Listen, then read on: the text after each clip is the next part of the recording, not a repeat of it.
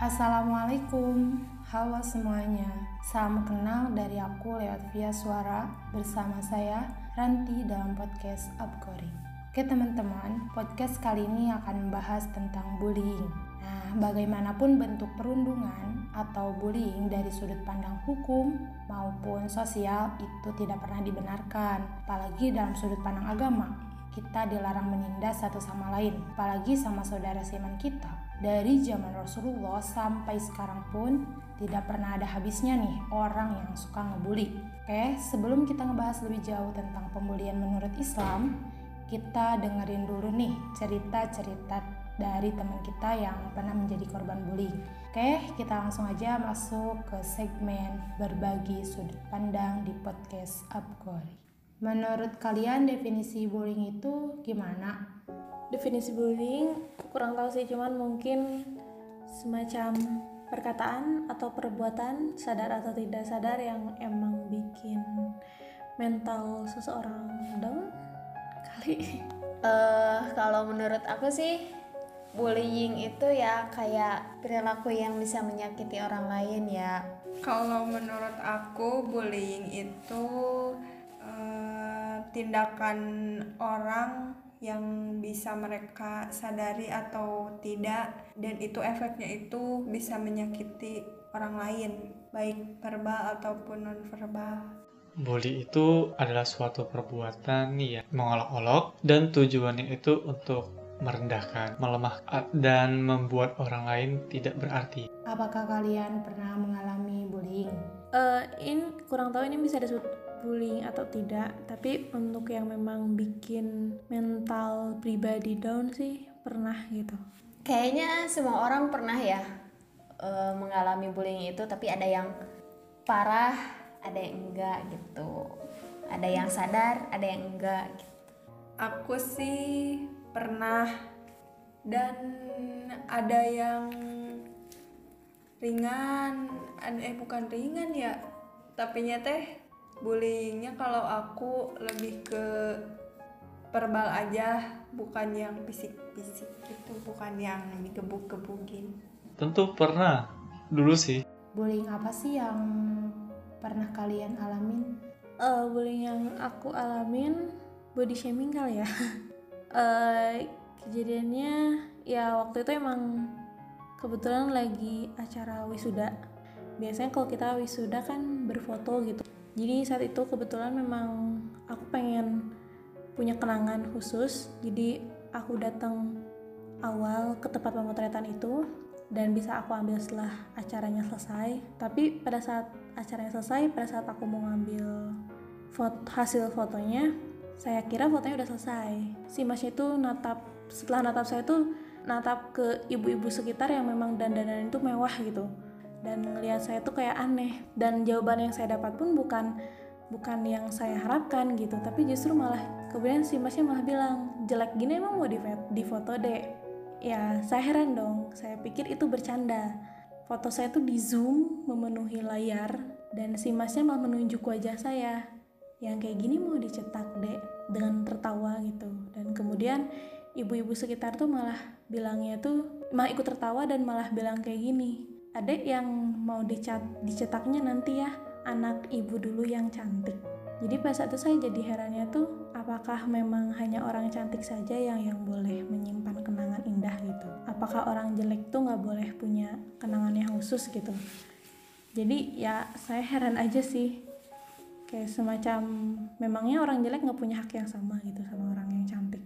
Kalau aku bullying yang pernah aku terima sebelumnya itu karena yang aku terima itu rata-rata hanya sekedar dari omongan-omongan orang lain yang sedikit membuat aku insecure e, kayak contohnya ngehina fisik yang ngehina hal-hal yang menurut aku itu nggak perlu diomongin atau nggak perlu terlalu disindir-sindir sama mereka tapi mereka selalu memperhatikan hal itu dan selalu ih kok kayak gini sih? Ih kok makin gini? Oh makin kurus makin hitam gitu loh. Jadi kayak hal-hal yang mereka ucapkan itu bisa membuat perasaan aku kadang jadi sakit lah, jadi gak enak, jadi insecure, jadi kadang aku jadi orang yang gak bersyukur dengan apa yang Allah kasih, dengan segala kekurangannya. Jadi selalu membuat aku putus asa kalau misalnya ada orang-orang yang selalu menyindir hal-hal itu gitu ke aku.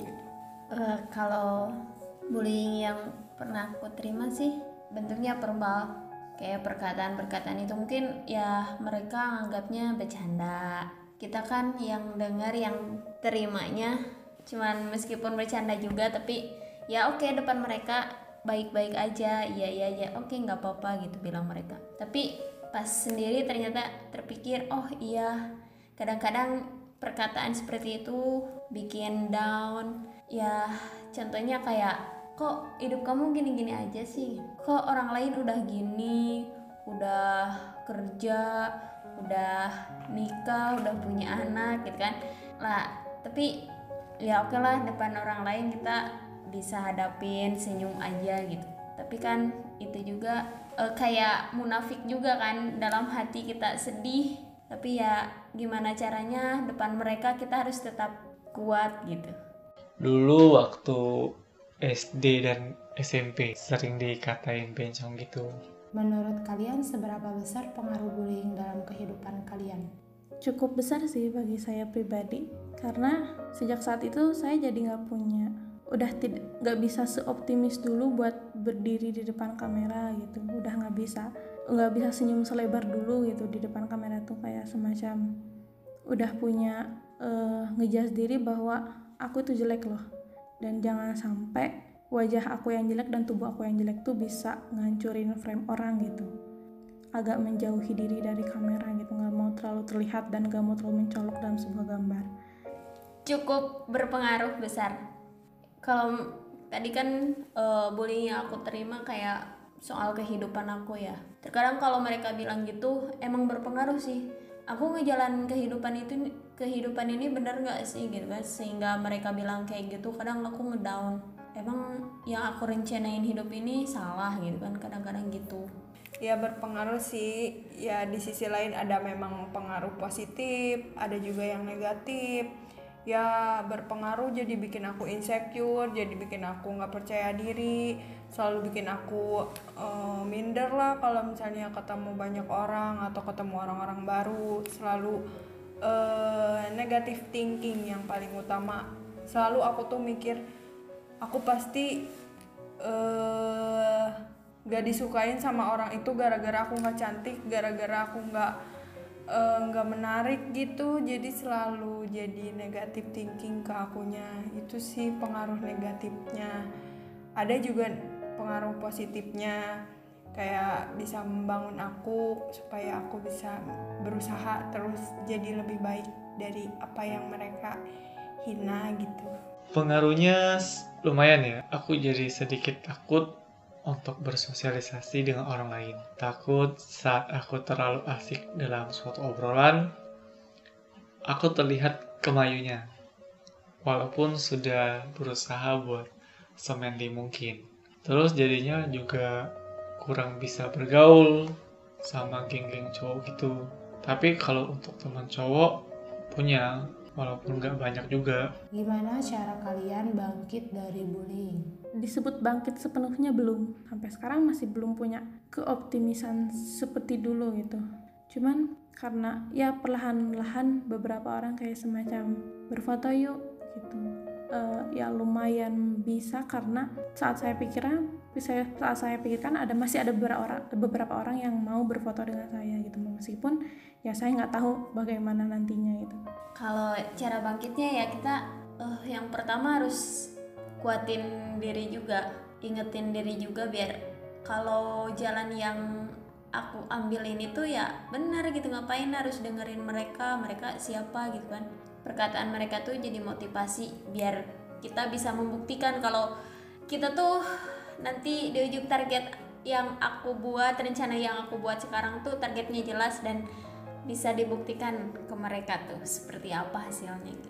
Kalau cara membuat aku bangkit. Aku juga ngambil hal positifnya untuk bisa membuat diri aku bangkit, yaitu dengan selalu berusaha bahwa ya memang yang diomongin mereka itu mungkin benar, mungkin itu fakta dan dari situ aku mikir, dari situ aku berusaha gimana caranya biar aku bisa lebih baik. Bukan untuk memuaskan apa keinginan mereka tapi memang untuk memuaskan diri aku sendiri. Eh, cara aku buat bangkit dari bully itu aku punya cita-cita besar dalam hidup. Jadi aku selalu mengabaikan untuk hal-hal yang akan menghambat aku mencapai cita-cita tersebut. Salah satunya urusan bully ini aku lebih bersikap bodoh amat sih sama mereka karena mereka tidak berpengaruh dalam kehidupan aku untuk mencapai cita-cita tadi mereka justru merasa tidak berguna kalau kita abaikan Justru sebaliknya, kalau kita marah, kita meladeni mereka, mereka akan menjadi-jadi, tambah akan membuli kita semakin keras. Pesan apa yang akan kalian sampaikan untuk orang yang suka ngebully? Aku hanya ya cuma pengen bilang bahwa setiap orang punya hak yang sama. Setiap orang memiliki usaha yang berbeda tapi mereka juga memiliki tujuan yang sama gitu. Setiap orang ingin dihargai dengan cara yang sama. Aku juga ya termasuk orang yang bukan suka ya. Terkadang mungkin nggak bisa jaga lisan bercanda tapi ya mungkin teman-teman aku juga ada yang kesinggung. Mungkin itu juga bisa disebut bully. Jadi untuk kita semua eh, ayolah mulai dari sekarang kita jaga lisan kita. Karena ya lisan kita tuh hal yang sangat tajam gitu.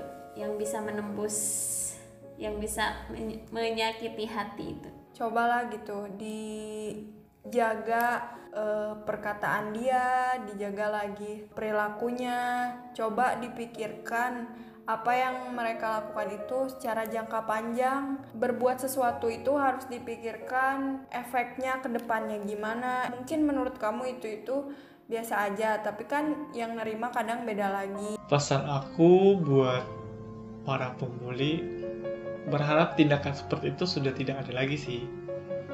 Karena baik korban maupun yang membuli, mereka sebenarnya sama-sama akan rugi ke depannya. Dampak psikologis yang mereka lakukan sekarang itu akan berpengaruh sama pembentukan karakter mereka, mereka di masa depan. Rangkulah temanmu yang sedang susah, bantu mereka. Karena kamu lebih mampu dalam satu hal, bukan berarti kamu itu superior.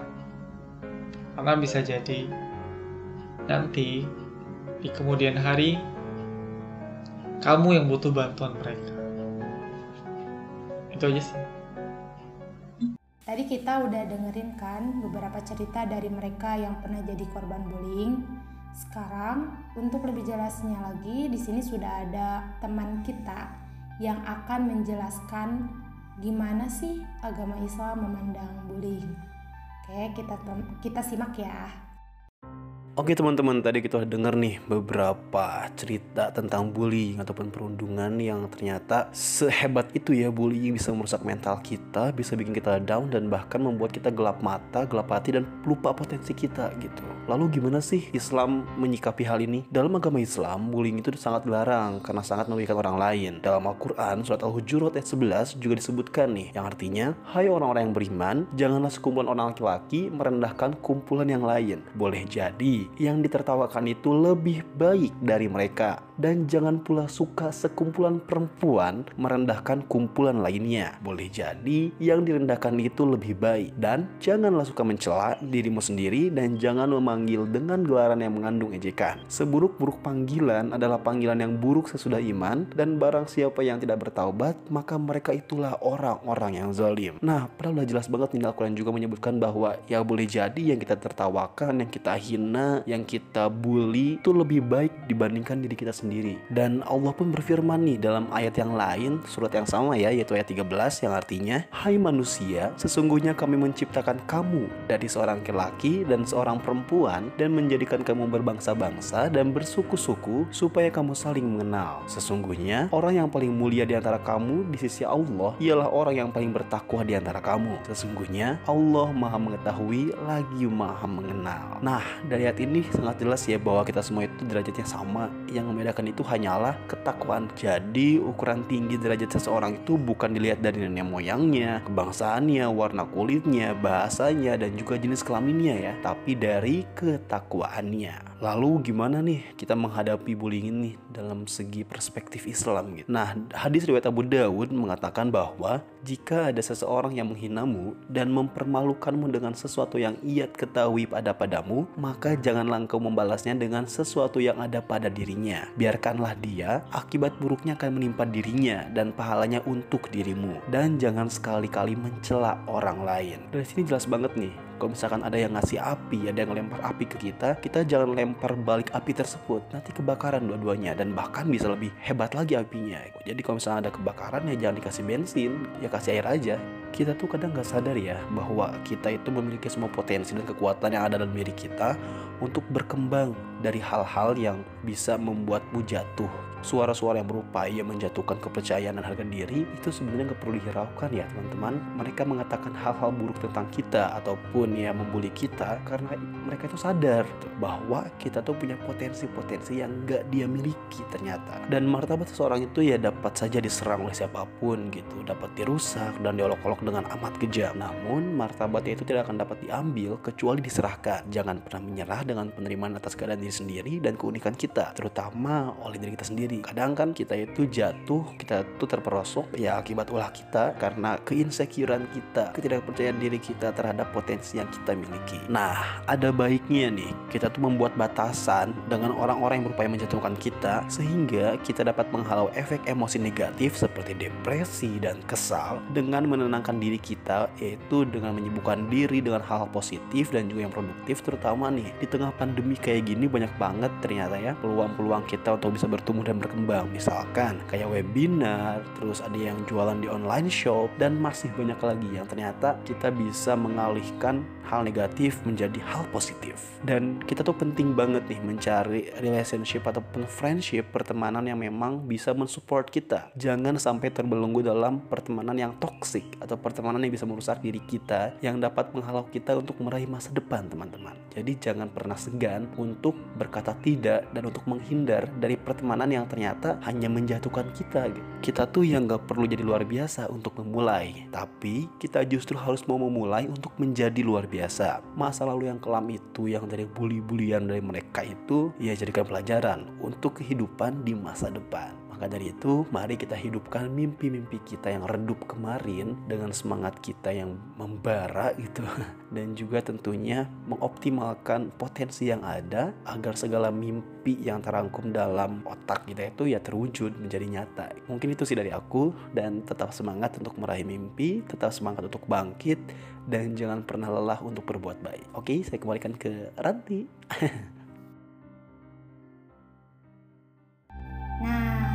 Gitu katanya teman-teman. Pokoknya ingat aja bahwa kekuatan dan kegiatan kita bisa menjalani hidup sampai sekarang ini semua itu lahir dari bangkitnya kita dari keterpurukan dulu. Dan juga jika kita bersedih dan ngerasa down banget, Percaya Allah sedang memanggil kita. Eh, bentar. Takut multi tafsir nih. Maksud memanggil di sini tuh bukan nyuruh kita untuk mati dan masuk ke alam gaib ya, tapi memanggil di sini tuh tanda Allah sayang. Karena Allah ingin berduaan dan ingin mendengar curhatan hambanya di setiap doa-doa yang kita panjatkan. Maka pintalah pertolongan dan perlindungan kepadanya. Itulah sebaik-baiknya tempat kita mengadu. Oke teman-teman, segitu dulu podcast dari Ranti. Sampai bertemu di via suara selanjutnya di podcast Abkori. Wassalamualaikum warahmatullahi wabarakatuh.